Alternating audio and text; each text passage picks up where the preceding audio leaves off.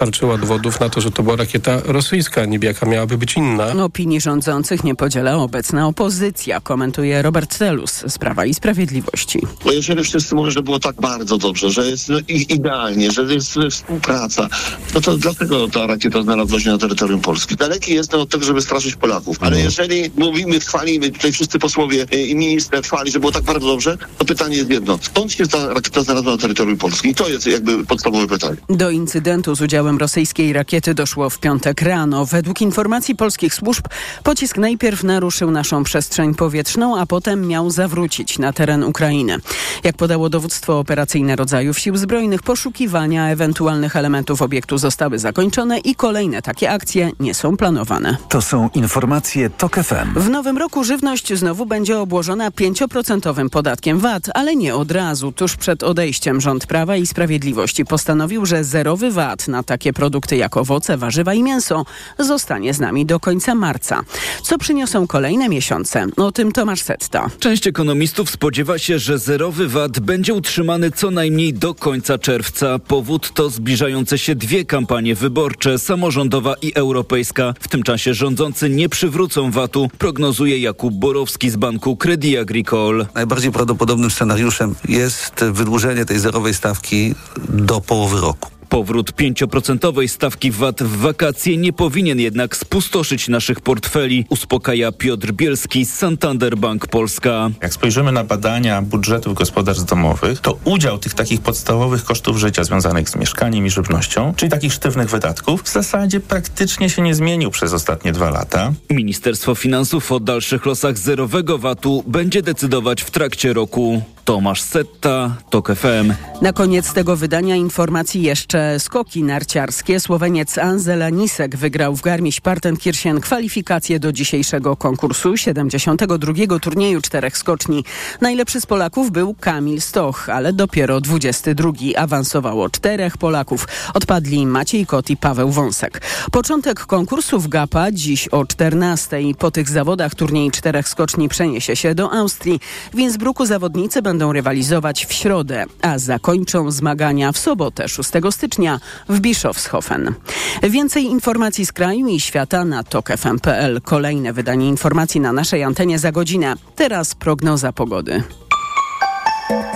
Pogoda. Nowy rok ze śpiewem ptaków wita mieszkańców Warszawy. W całej Polsce jest ciepło jak wiosną. Dziś na zachodzie termometry pokażą w ciągu dnia nawet 8 stopni, na wybrzeżu i południu Polski do 6, w centrum około 4.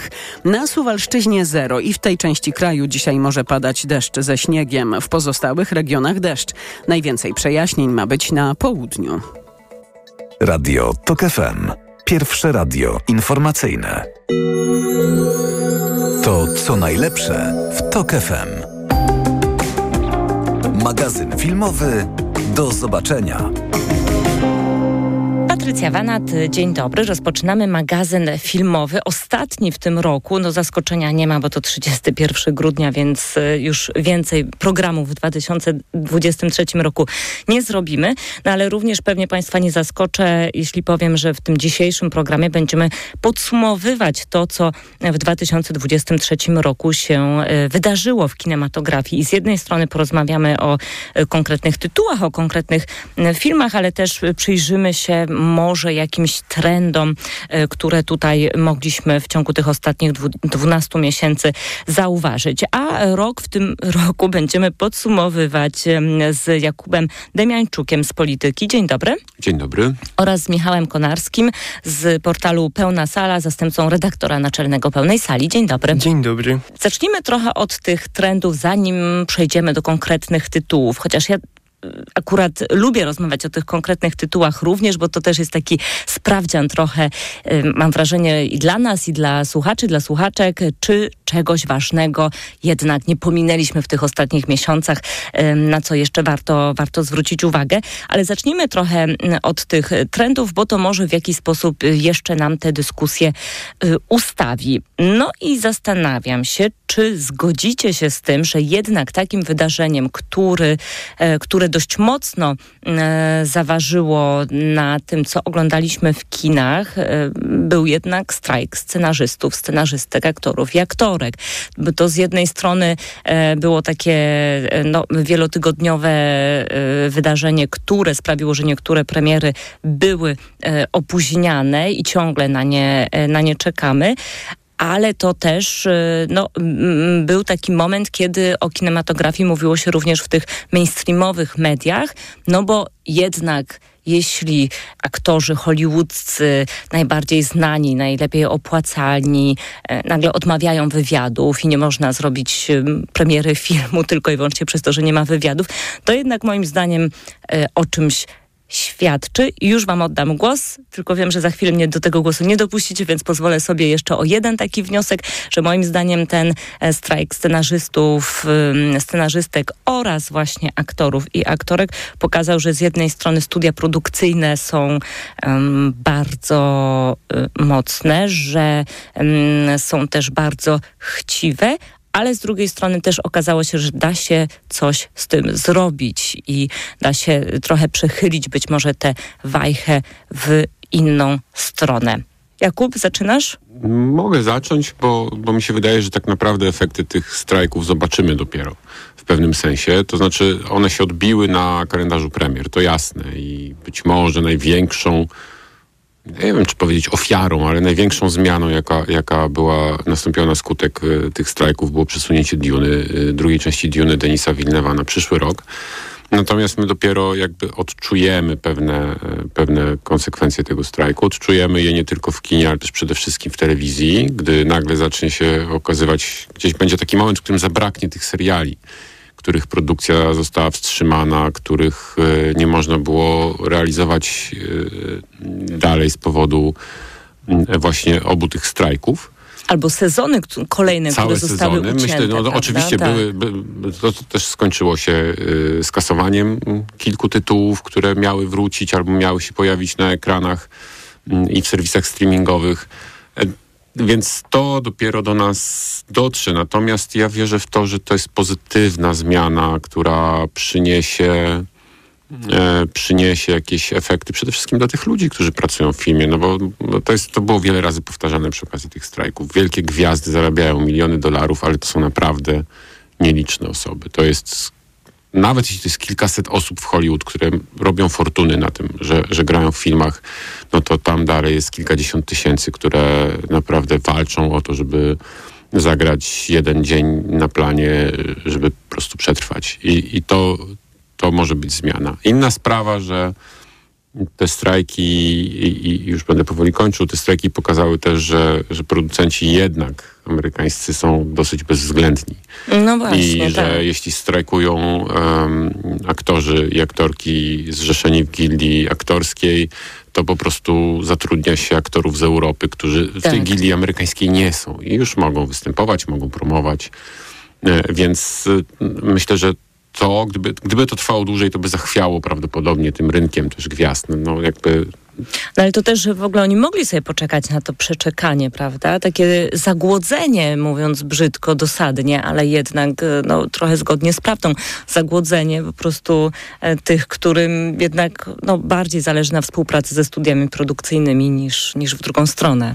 No pewnie tak, ale y, no, ja jestem ciekaw, jak to się, jak to się odbije. Mm. Jak to się odbije w ogóle na podejściu mm, studiów i producentów do, do tej pracy. No, jestem pesymistą.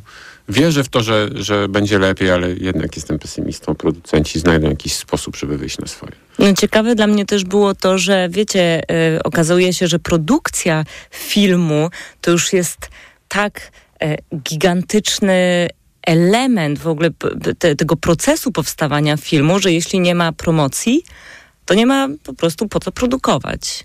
To, Jeżeli- jeżeli nie ma gwiazd do dokładnie, nie wsadzenia ma na kto, da, plakat, tak. kto, kto być na plakacie, kto udzielić wywiadu, to, to nie, nie, nie opłaca się w ogóle wypuszczać filmu do kin. Ja się zgadzam z Jakubem bardzo, że, że, że te skutki chyba dopiero do nas przyjdą i że, i że faktycznie tak samo jak po pandemii y, ten moment dopiero nadszedł, kiedy te premiery zostały wstrzymane y, i w końcu dostaliśmy je, więc myślę, że po tym strajku też chwilę będziemy musieli poczekać, żeby odczuć jego faktyczne skutki, ale tak jak Jakub właśnie powiedział, że jest pesymistą, to, to ja bym chciał może jakąś taką może za, nawet za bardzo optymist, za, za, za, bardzo optymistyczną myśl tutaj prze, przemycić jakoś, bo, y, bo wydaje mi się, że właśnie ten, to, to okienko, kiedy jesteśmy, no nie chcę powiedzieć uwolnieni od amerykańskich premier, ale, ale jest ich y, na pewno troszkę mniej, y, może w jakiś sposób się przełożyć na to, że albo kino europejskie, albo kino amerykańskie, ale nie hollywoodzkie, zyska w jakiś sposób troszkę więcej, może nie widzów, ale chociaż rozgłosu jakiegoś i, i dzięki temu później ktoś go sobie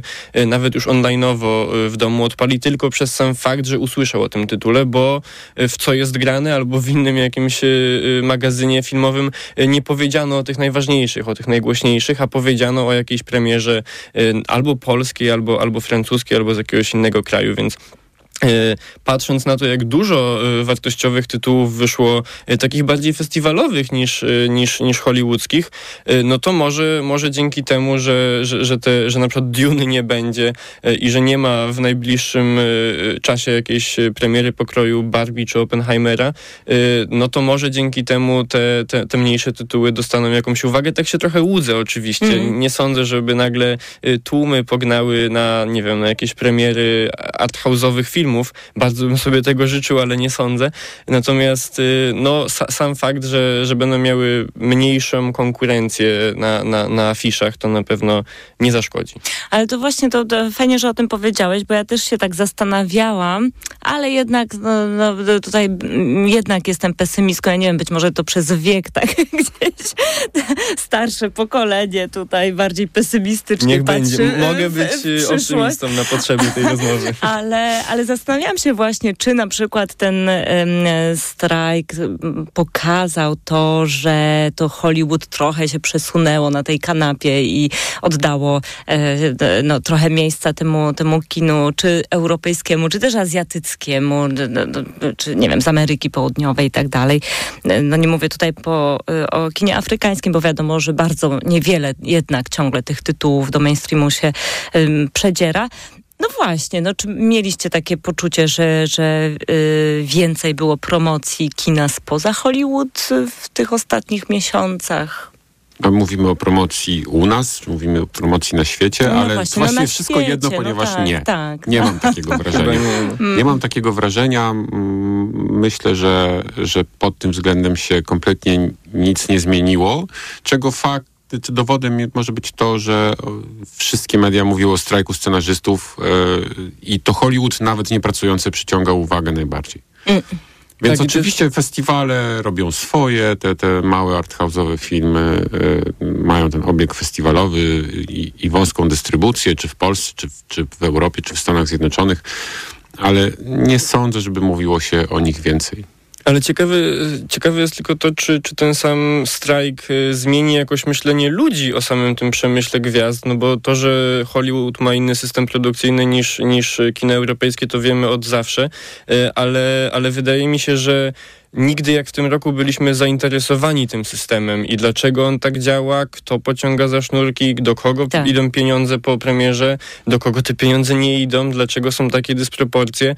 Yy, więc no jeżeli, no nie można na pewno mówić tutaj o jakiejś budzącej się świadomości klasowej czy coś takiego, ale jednak wydaje mi się, że yy, jakieś pęknięcie w tym monolicie powstało. No pytanie jak głębokie, chyba, chyba nie za bardzo, ale no może, może się pogłębi jakoś i, i w pewnym sensie to pomoże kinu, bo, bo, bo wydaje mi się, że jednak taki skostniały i bardzo skapitalizowany system e, produkcji, jak e, aktualnie się w Hollywoodzie, no czy nie aktualnie, od wielu lat się w Hollywoodzie u, u, unormował, e, jednak szkodzi bardziej niż pomaga.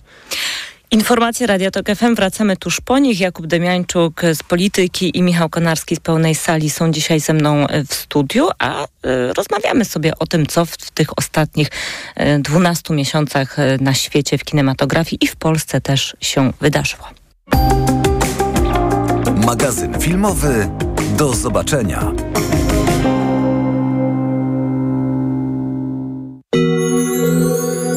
To co najlepsze w TOK FM. Siedmiu latach kończy się pisowska noc. Czwarte zwycięstwo w dziełach naszej partii. W wyborach parlamentarnych. Dzisiaj już możemy powiedzieć, to jest koniec tego złego czasu, to jest koniec rządów PiSu. To jest naprawdę wielki sukces. No ale oczywiście przed nami jeszcze stoi pytanie o to, czy ten sukces będzie można zmienić w kolejną kadencję naszej władzy. I tego jeszcze w tej chwili nie wiemy. Oni po prostu cały czas próbowali wyciągnąć jakieś znaczone karty i przegrali tymi znaczonymi kartami. To jest wrażenie. Tak, no to jest w ogóle, w ogóle wstyd przegrać znaczonymi kartami i jeszcze przegrać. Ale musimy mieć nadzieję i musimy także wiedzieć, że niezależnie od tego, czy będziemy przy, przy władzy, czy będziemy w opozycji, to ten projekt będziemy na różne sposoby realizować i nie pozwolimy na to, by Polskę zdradzono. To jest jeden z najpiękniejszych dni polskiej demokracji. Nie mam co, żadnych wątpliwości. Radio TOK FM. Pierwsze radio informacyjne. Posłuchaj, aby zrozumieć. Autopromocja. Boski podcast o świętach. Tylko w TOK FM Premium. Zaprasza Karolina Oponowicz. Dlaczego strój Mikołaja szokuje katolików w Brazylii? Czy w cerkwi są choinki i żółbek w czasie Bożego Narodzenia? Co jedzą buddyści w rodziny Buddy? Czy w żydowskim domu wypada życzyć komuś bogactwa? Czy chińskie ciotki też pytają podczas świąt, kiedy wyjdziesz za mąż? O to wszystko pytam wyznawców różnych religii. Boski podcast o świętach. Tylko w TOK FM Premium. Wszystkie odcinki tego podcastu znajdziesz na tokefm.pl oraz w aplikacji mobilnej TOK FM. Autopromocja. Reklama. Z Leroy Merlin fachowcom jest prościej, bo teraz mamy hity cenowe dla glazurników. Na przykład klej elastyczny Atlas Geoflex 22,5 kg za 49,97, a przy zakupie czterech jesteś dwie dychy do przodu na karcie podarunkowej. Nie mówiąc już o tym, że na wybrane maszynki do glazury jest rabat 10%. Zapraszamy do sklepów i na leroymerlin.pl. Regulamin w sklepach. Proste, proste. Leroy Merlin. Uwaga! Pilnie potrzebna jest krew. Dlatego zgłoś się do Centrum Krwiodawstwa i Krwiolecznictwa. Oddaj krew i uratuj czyjeś zdrowie i życie. Więcej na www.gov.pl ukośnik NCK lub www.twojakrew.pl Reklama. Radio TOK FM. Pierwsze radio informacyjne. To co najlepsze w TOK FM.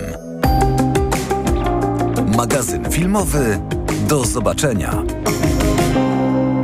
To jest wciąż magazyn filmowy do zobaczenia. W studiu wciąż Jakub Demiańczuk z Polityki, Michał Konarski, pełna sala.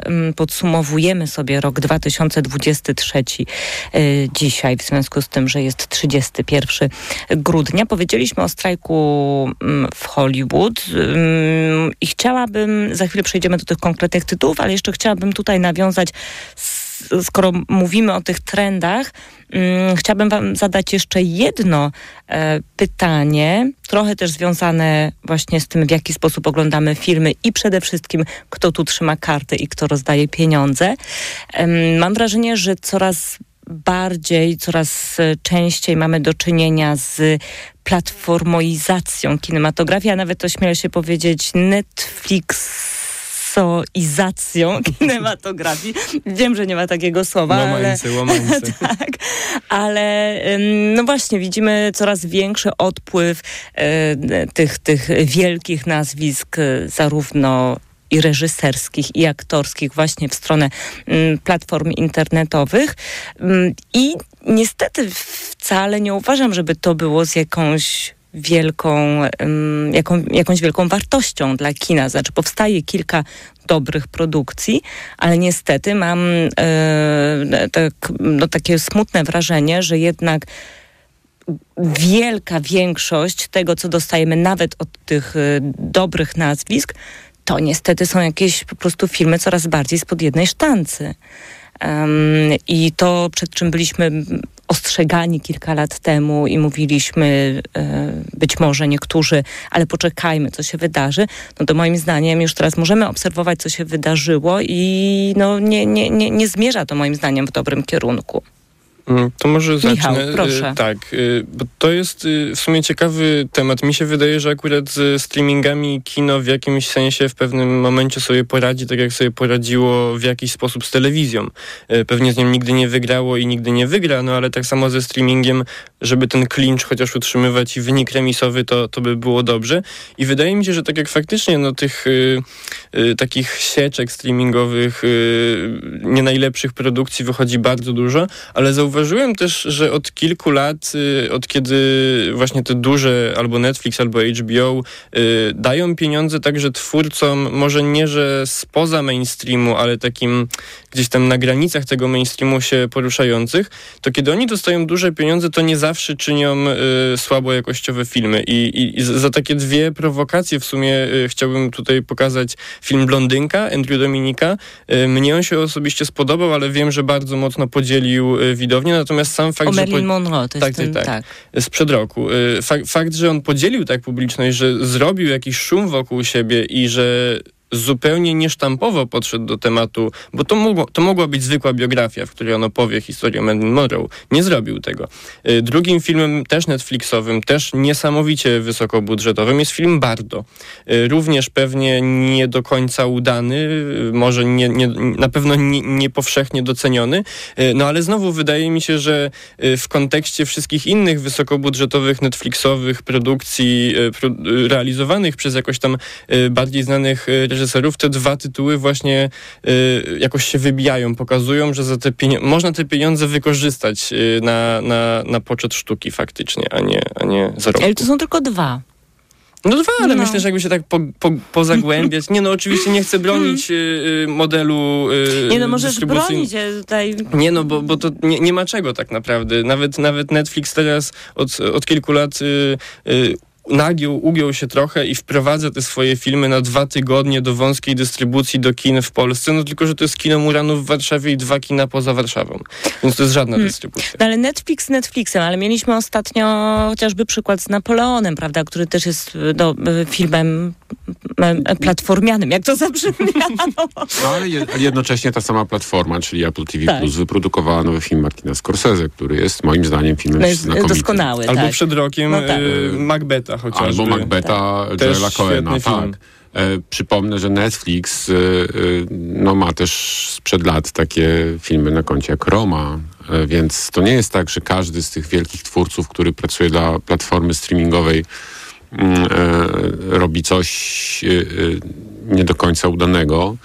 Zastanawiam się, to jest pytanie oczywiście do nich, czy nie mają przypadkiem większej wolności. To znaczy myślę, że gdyby, gdyby Martin Scorsese y, kręcił swoje ostatnie filmy nie z myślą o platformach. One wchodziły do kin. I Irlandczyk, i oczywiście y, y, Czas Krwawego Księżyca, który ma dużo szerszą dystrybucję niż Irlandczyk, są pokazywane w kinach, ale gdyby oni je kręcili na, na potrzeby takiego tradycyjnego modelu dystrybucyjnego, to prawdopodobnie producent powiedział Martin, jesteś wspaniały, stuknij się w głowę, no weź to skróć do dwóch i pół godziny. Mm. On dla streamingu może zrobić film, który trwa 3,5 godziny. I Okazuje się nagle, że on w kinach się też sprawdza.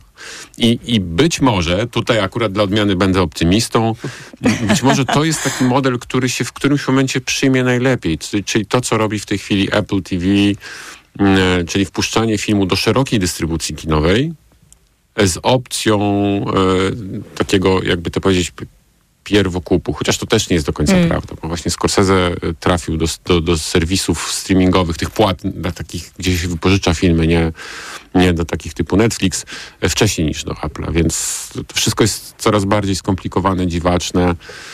mm, No, no i- jesteśmy i w jakimś trudne do procesie, przewidzenia. tak, były tak. te eksperymenty, które robiło HBO z Warnerem jeszcze, jeszcze w czasie pandemii, że, że na, na wyłączność miało dystrybucję tych filmów warnerowskich, więc to wszystko jest chyba dosyć płynne. No ale, ale no, ja myślę, że to jest tak, że, że wiele filmów, y, y, które powstają do streamingu jest sieczką. Tak, to prawda, zgadzam się. I czasami one są podpisywane przez dużych twórców, czasami są to nieudane y, produkcje, ale nie nazwałbym ich sieczką. Na przykład za taki film uważam Maestra Bradley'a Coopera. Nie, nie jest to film, który, który by mi się podobał.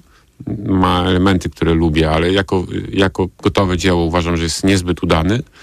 Natomiast no, nie jest sieczką. Tak? To jest raczej potknięcie, Mm. mm, być może mm, wynikające z zbyt dużej wolności artystycznej, którą daje streaming y, twórcy, ale to już jest też osobne pytanie.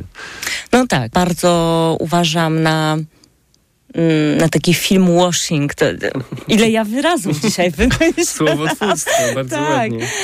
No to, ale taki, wiecie, zrobimy właśnie kilka tych dobrych tytułów, a resztę po prostu musimy czymś zapchać, Ale prawda? Te- wydaje mi się, że duże studia tak. filmowe działają dokładnie tak samo. Każda firma działa tak samo. No, musi sprzedać kilka fajnych produktów po to, żeby ten cały y, szrot, jaki produkują na co dzień, mógł się zwracać dalej. Tak. Więc, więc y, wydaje mi się, że to jest bardzo, bardzo płynny proces, którego skutki poznamy pewnie najprędzej za jakieś 10 lat, ale, y, ale wydaje mi się, że on się paradoksalnie wcale tak bardzo nie różni od rozwoju samego kina i, i rozwoju samej telewizji w sobie. No i, no i przecież to jest tak naprawdę proces znany od lat 80., czyli te wszystkie filmy, które powstawały z dopiskiem direct to video, czyli po prostu przeznaczone do dystrybucji nawet nie, te, na, nawet nie telewizyjnej, tylko do sprzedaży na, płyt, na kastach VHS, później na płytach DVD. Do gazety dołączane.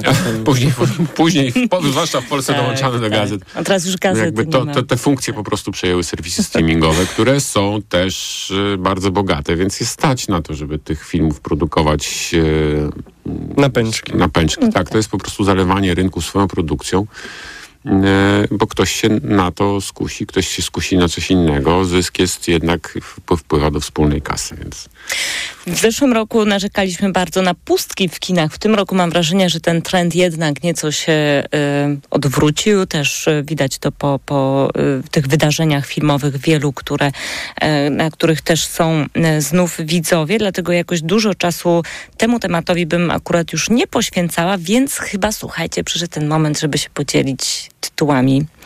E, I przyznam się Państwu, że mieliśmy tę dyskusję również przed tutaj wejściem na antenę, o których filmach dokładnie mówić, ponieważ e, dystrybucja wygląda jednak w ten sposób, że czasami do kin trafiają nam filmy, które taką światową premierę miały rok wcześniej na przykład, albo pół roku wcześniej, więc my również na wiele z tych filmów, mm, które miały już swoje premiery na festiwalach filmowych, czekamy, czy na Biedne Istoty, czy na Anatomię Upadku, czy na przykład na Polskiego Kosa Pawła Maślony, który będzie miał w styczniu e, filmy, e, e, premierę taką kinową, mm, dystrybucję, więc proszę nam wybaczyć, jeśli gdzieś być może, nie wiem, zagolpujemy się trochę z, z tymi tytułami. Może zacznijmy od tych takich no, najbardziej znanych filmów, o tym, co wszyscy mogliśmy w kinach w szerokiej dystrybucji mm, oglądać. Co dla Was było z jednej strony jakimś takim najciekawszym mm, tytułem. Oczywiście nie, nie wymagam od Was wymienienia jednego tytułu, ale być może też, nie wiem, zjawiskiem, e, tematem. Nie wiem, jak chcecie sobie to pogrupować.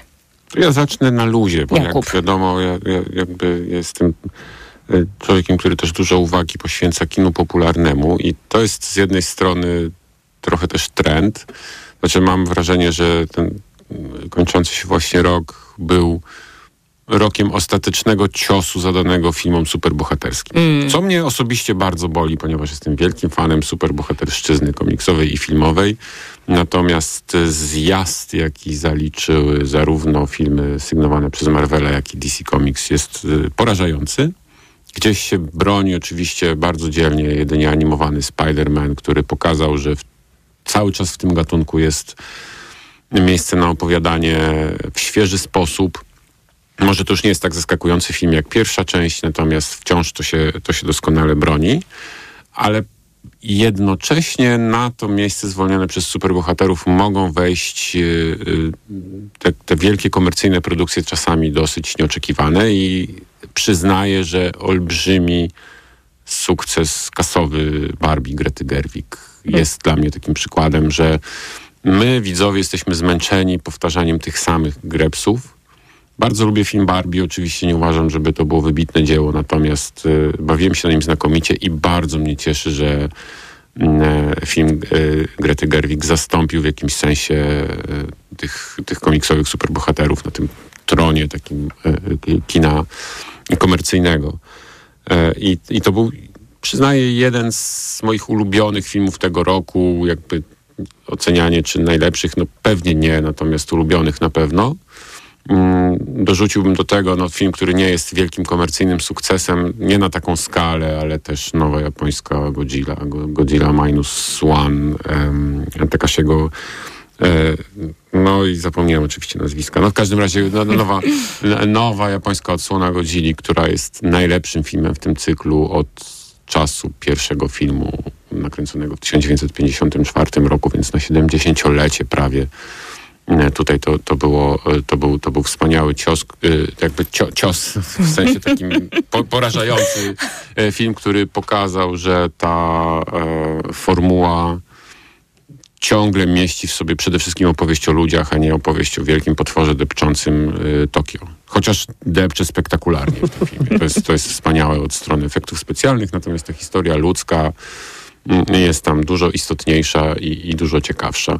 Więc to kino komercyjne też moim zdaniem jest na jakimś, na jakimś takim rozdrożu. To znaczy te, te wielkie hity muszą się wymyślić od nowa. Te, te, te franczyzy, które nas zalewają od lat, mm, po prostu się wypaliły. I czy mówimy o superbohaterach, czy o takich powiedzmy mniej istotnych franczyzach jak, nie wiem, Transformers. Też był przecież nowy film o Transformersach w tym roku. Kto wie, który, to już, już nie potrafię ich policzyć.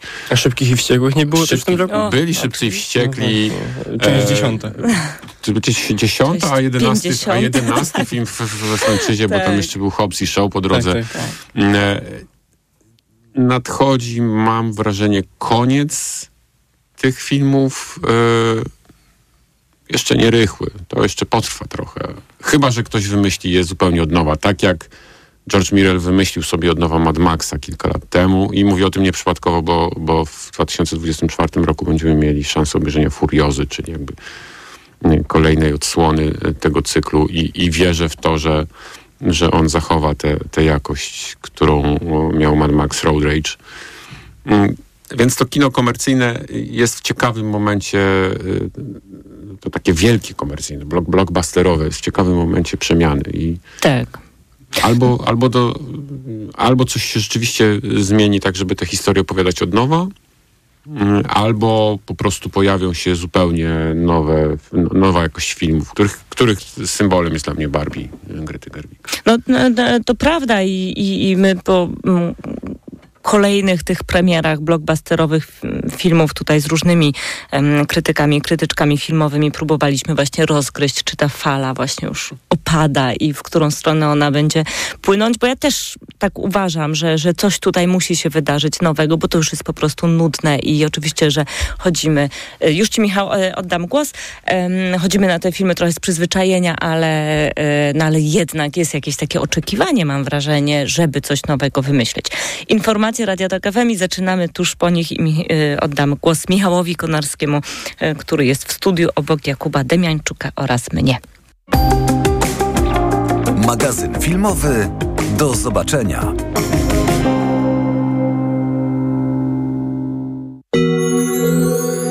To co najlepsze w Tok FM.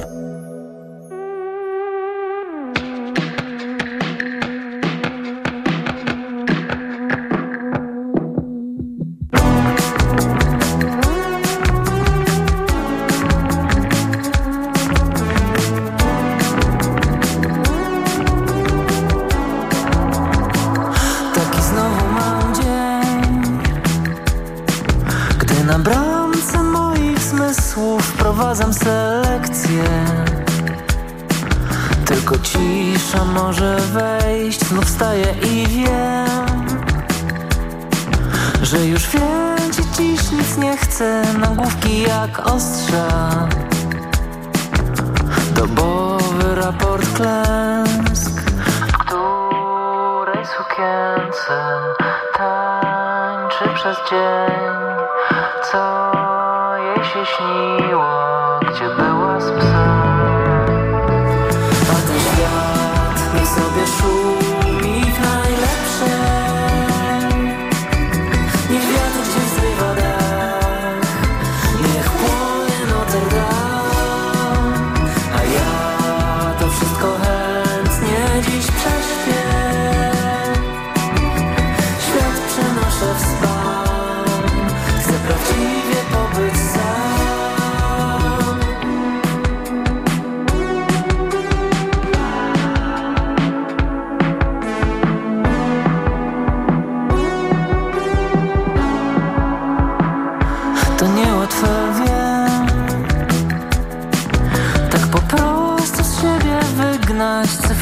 Ciekawość. Tak w niewiedzy kąpiel mieć I znów taki cień. Gdy nagłówki mnie dziurawią Mój mózg tego łaknie. Lecz serce trochę mniej. W której sukience Tańczy przez dzień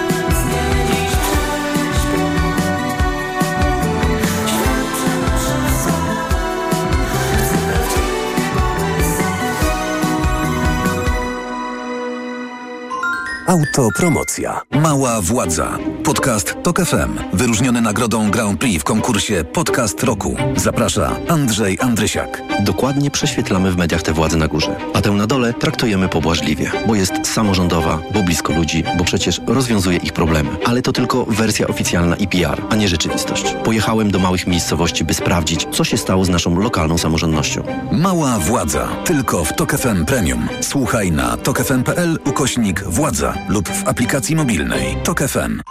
Autopromocja. Radio Tok FM. Pierwsze radio informacyjne.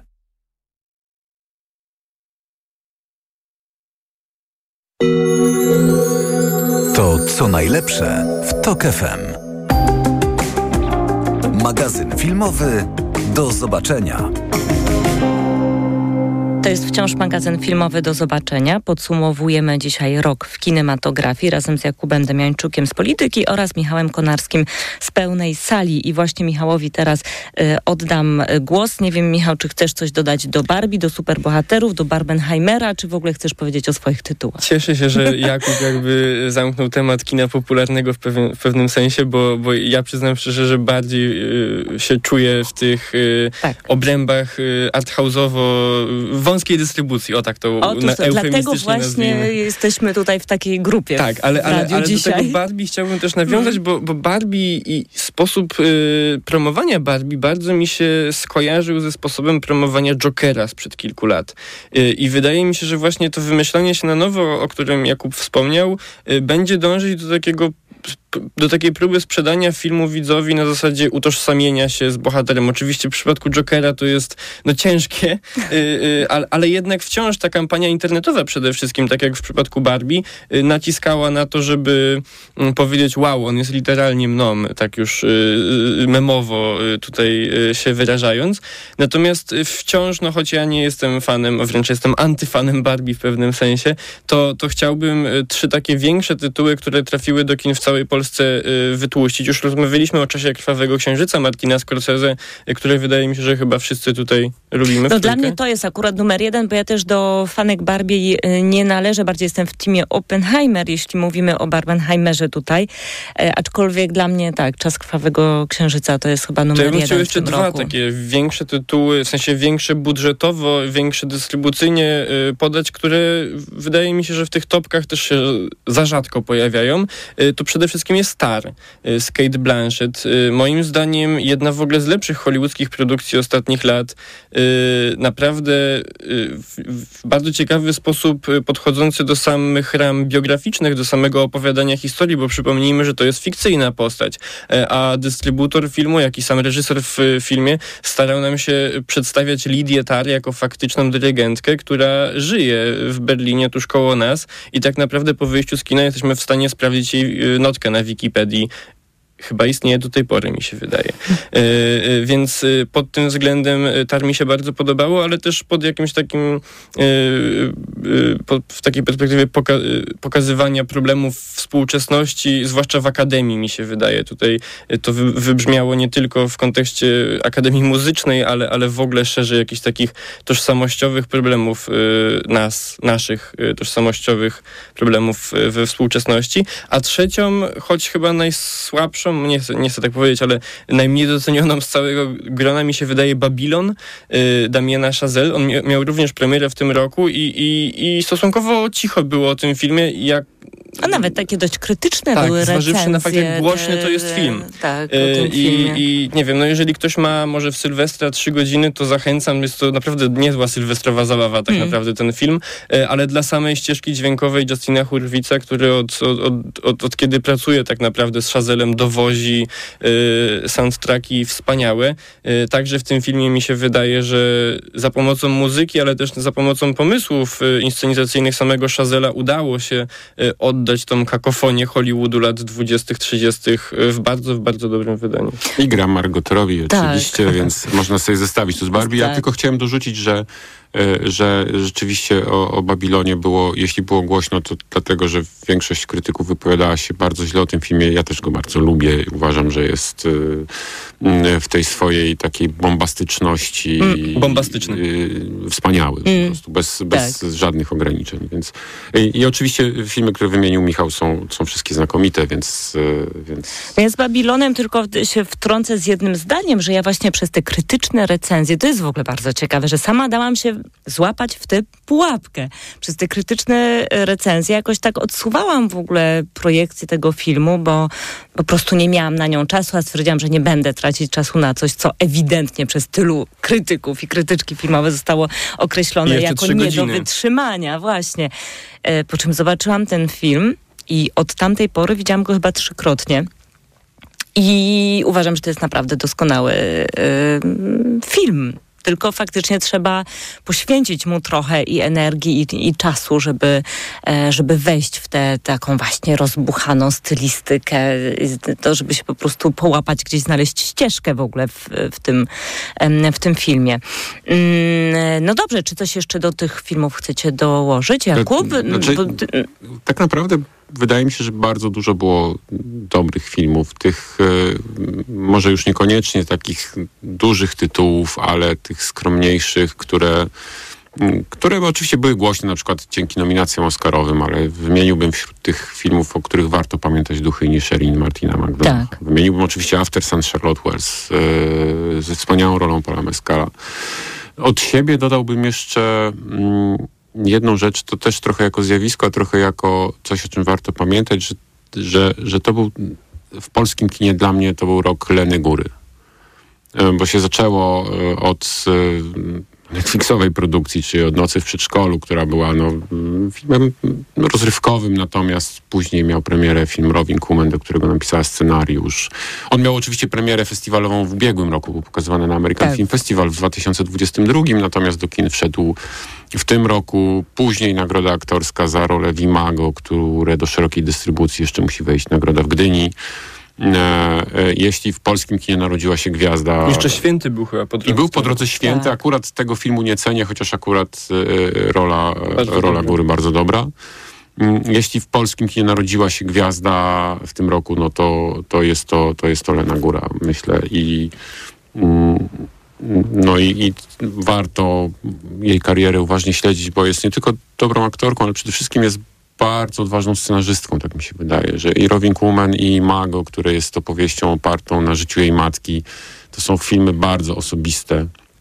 Ja dla porządku dam, że Robin Kuman wyreżyserował Michał Chmielewski, Mago to jest reżyseria Olgi Hajdas, e, ale, ale do obu mm, główna aktorka pisała tam scenariusze, czy pisała je razem z, z, z reżyserką Imago i reżyserem Robin Kuman, więc, więc tak, to jest na pewno postać, na której karierę warto zwracać uwagę. Bardzo się cieszę, że w taki płynny, wspaniały sposób przeszliśmy do, do polskiego. To ja bym chciał kina, pociągnąć tak. sobie ten wątek kina polskiego, ale porzucić kino aktorskie, bo, bo w tym roku y, w Polsce mieliśmy premierę moim zdaniem niesamowitego projektu y, Kuby Mikurdy, Laury Paweli oraz Marcina Lenarczyka, czyli Solar, Solaris Mon Amour.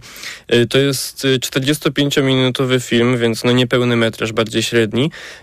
On premiery kinowej, szerokiej jeszcze nie miał. Będzie mieć ją na początku roku 2024, jeżeli dobrze pamiętam, więc y, mam nadzieję, że, że uda się go zobaczyć jak największej liczbie osób, bo y, no, Czasami się tak mówi dystrybucyjnie, że to jest taki film, jakiego w Polsce się nie robi, y, ale, ale o Solaris Mon Amour Mm, faktycznie tak. można tak powiedzieć. Jest to wideokolaż stworzony z y, y, filmów wykonanych przez, przez wytwórnię filmów oświatowych w Łodzi.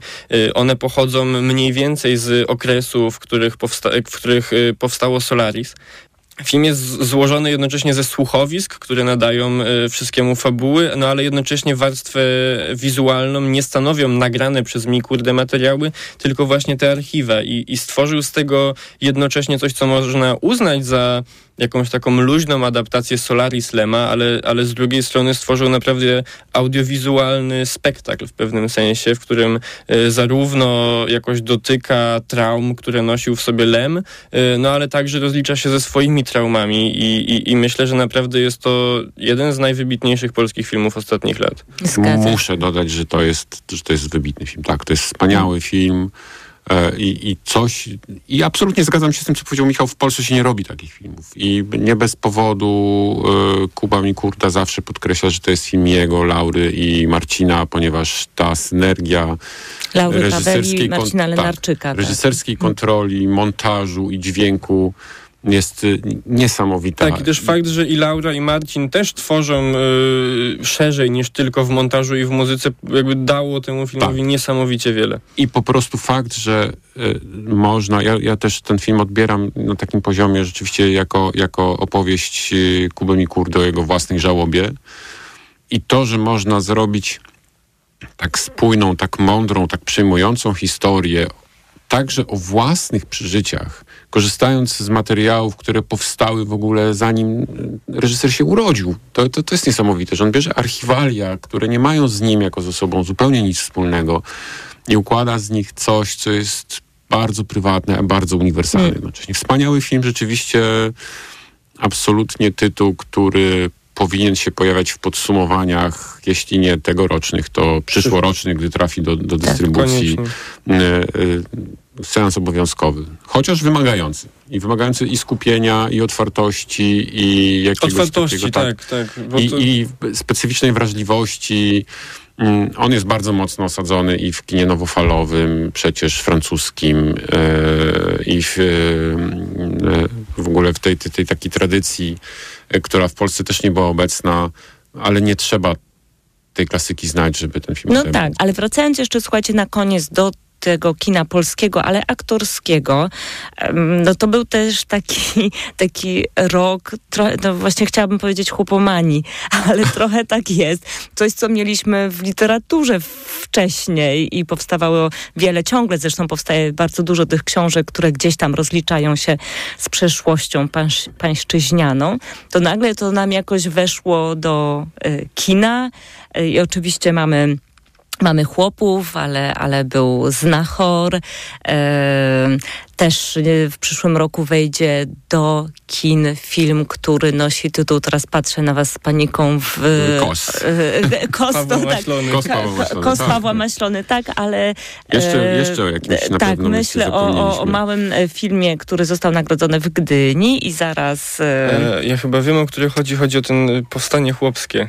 Nie, Nie? ale ja to właśnie w tym momencie sprawdzę, a wy proszę bardzo tutaj produkować się na temat e, chłopów. Na, na temat chłopów, ja myślę, że to jest, to reszty. jest y, konsekwencja właśnie tego nurtu, który pojawił się w literaturze, tego nurtu, który na poważnie y, próbuje jakby rozliczyć polską przeszłość, odrzeć ją z tej takiej y, szlachecko mm, magnackiej y, otoczki i pokazać, że większość z nas tak naprawdę ma chłopskie pochodzenie. To, co robił Adam Leszczyński w swoich książkach, to, co zrobiła Joanna Kuciel-Frydryszak y, w Chłopkach. Więc to siłą rzeczy musiało się w, jakiś, w jakimś momencie przełożyć na, na kino. Mm, Z jakim skutkiem? Hmm. No ja bym powiedział, że dosyć kontrowersyjnym. To znaczy mm, chłopów przy całym szacunku dla pracy włożonej w ten film uważam za dzieło kompletnie niepotrzebne. Właściwie nie wiem dlaczego ten... Ja, ja naprawdę, przepraszam, ja, ja nie wiem dlaczego ten film powstał. Nie no wiesz, po to, żeby miał te nominacje, które będzie miał. No okej, dobra, tak, no jakby po to, żeby zarobić pieniądze. No I tak. oczywiście cieszę się, że polski film przyciąga e, widzów e, do kin i zdaję sobie sprawę z tego, że, że, że duża część i widzów, i krytyków e, chłopów docenia. Je, dla mnie jest to film kompletnie obojętny, chociaż świetnie zagrany. Jakby to był film z aktorami, którzy grają te role, to być może łatwiej byłoby mi przymknąć e, pewne e, oczy na pewne niedostatki scenariuszowe, bo tam aktorsko to jest bardzo mocny film. Tylko niepotrzebnie został Zwłaszcza w tym drugim planie. Bo, przerobiony na, mm, przerobiony na e, film malowany. No. Tyle co nic. To, to jest ten Tyle film, o którym co chciałam powiedzieć. Film. Tak, no właśnie, Dąbrowski. jeśli, proszę Państwa, e, te tematy gdzieś tam bardziej związane z e, wsią Państwa interesują, to ja polecam o wiele bardziej. Tyle co nic, to jest naprawdę że to świetny jest film, chociaż oczywiście opowieść. współczesna, współczesna opowieść. No i oczywiście Kosa, który wejdzie do kin w styczniu, też warto obejrzeć. Ja mam swoje zastrzeżenia do tego filmu, ale, ale Ja bardzo uważ- lubię akurat, uważam go tak. za bardzo interesującą próbę spojrzenia na polską historię. E, Bardzo interesujący film, który nie jest w ogóle filmem biograficznym. To nie jest w zasadzie film o Kościuszce, który zresztą się tam No. pojawia tak naprawdę na drugim planie. W świetnej interpretacji Jacka Braciaka, ale to nie jest, to nie jest film o, mm, e, o powstaniu kościuszkowskim i o tych mitach naszych, które, a jeśli jest o mitach, to raczej je totalnie e, obala.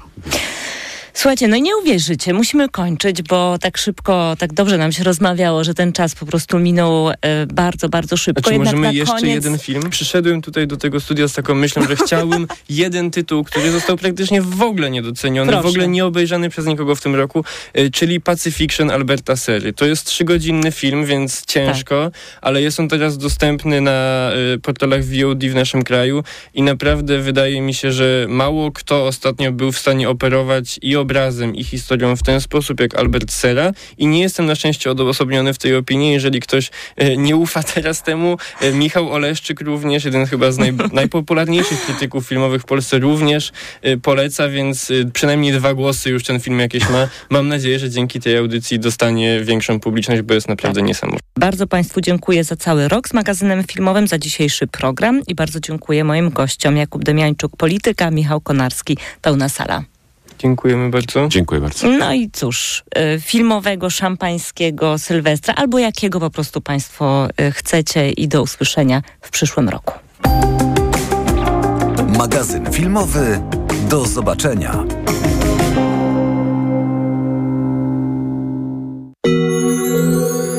To co najlepsze w Tok FM.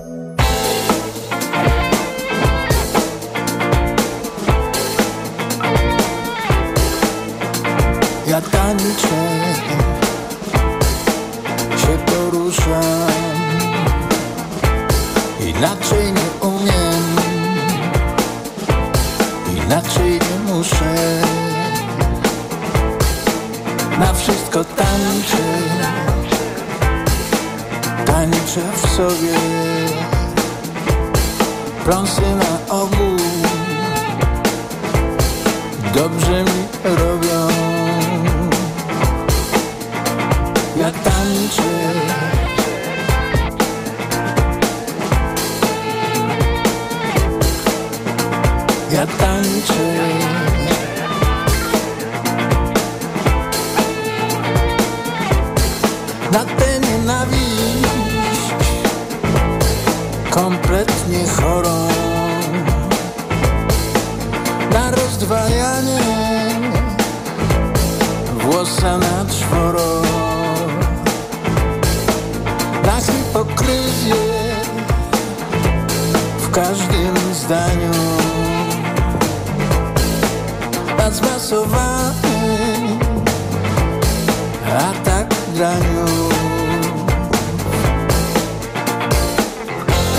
Się jak umiem, unikając tłoku, unikając tłumu w delikatnym amoku. Ruszam się nienachalnie, choć dość swobodnie, by się odnaleźć jakoś w tym godnie. Ja tańczę.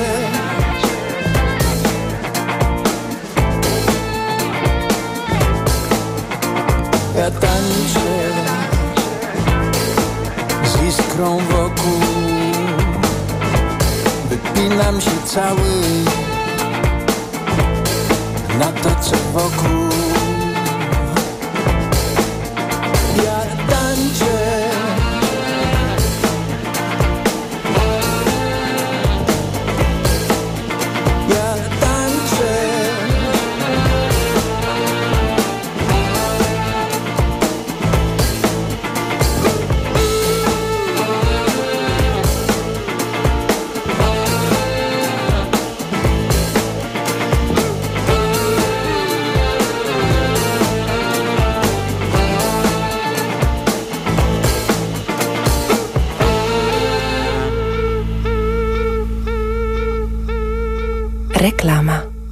Porozmawiajmy o zakładaniu firmy. Jest z nami Radek Kotarski. Panie Radku, czy zna pan słowo infakt? Oczywiście, że tak. Co to znaczy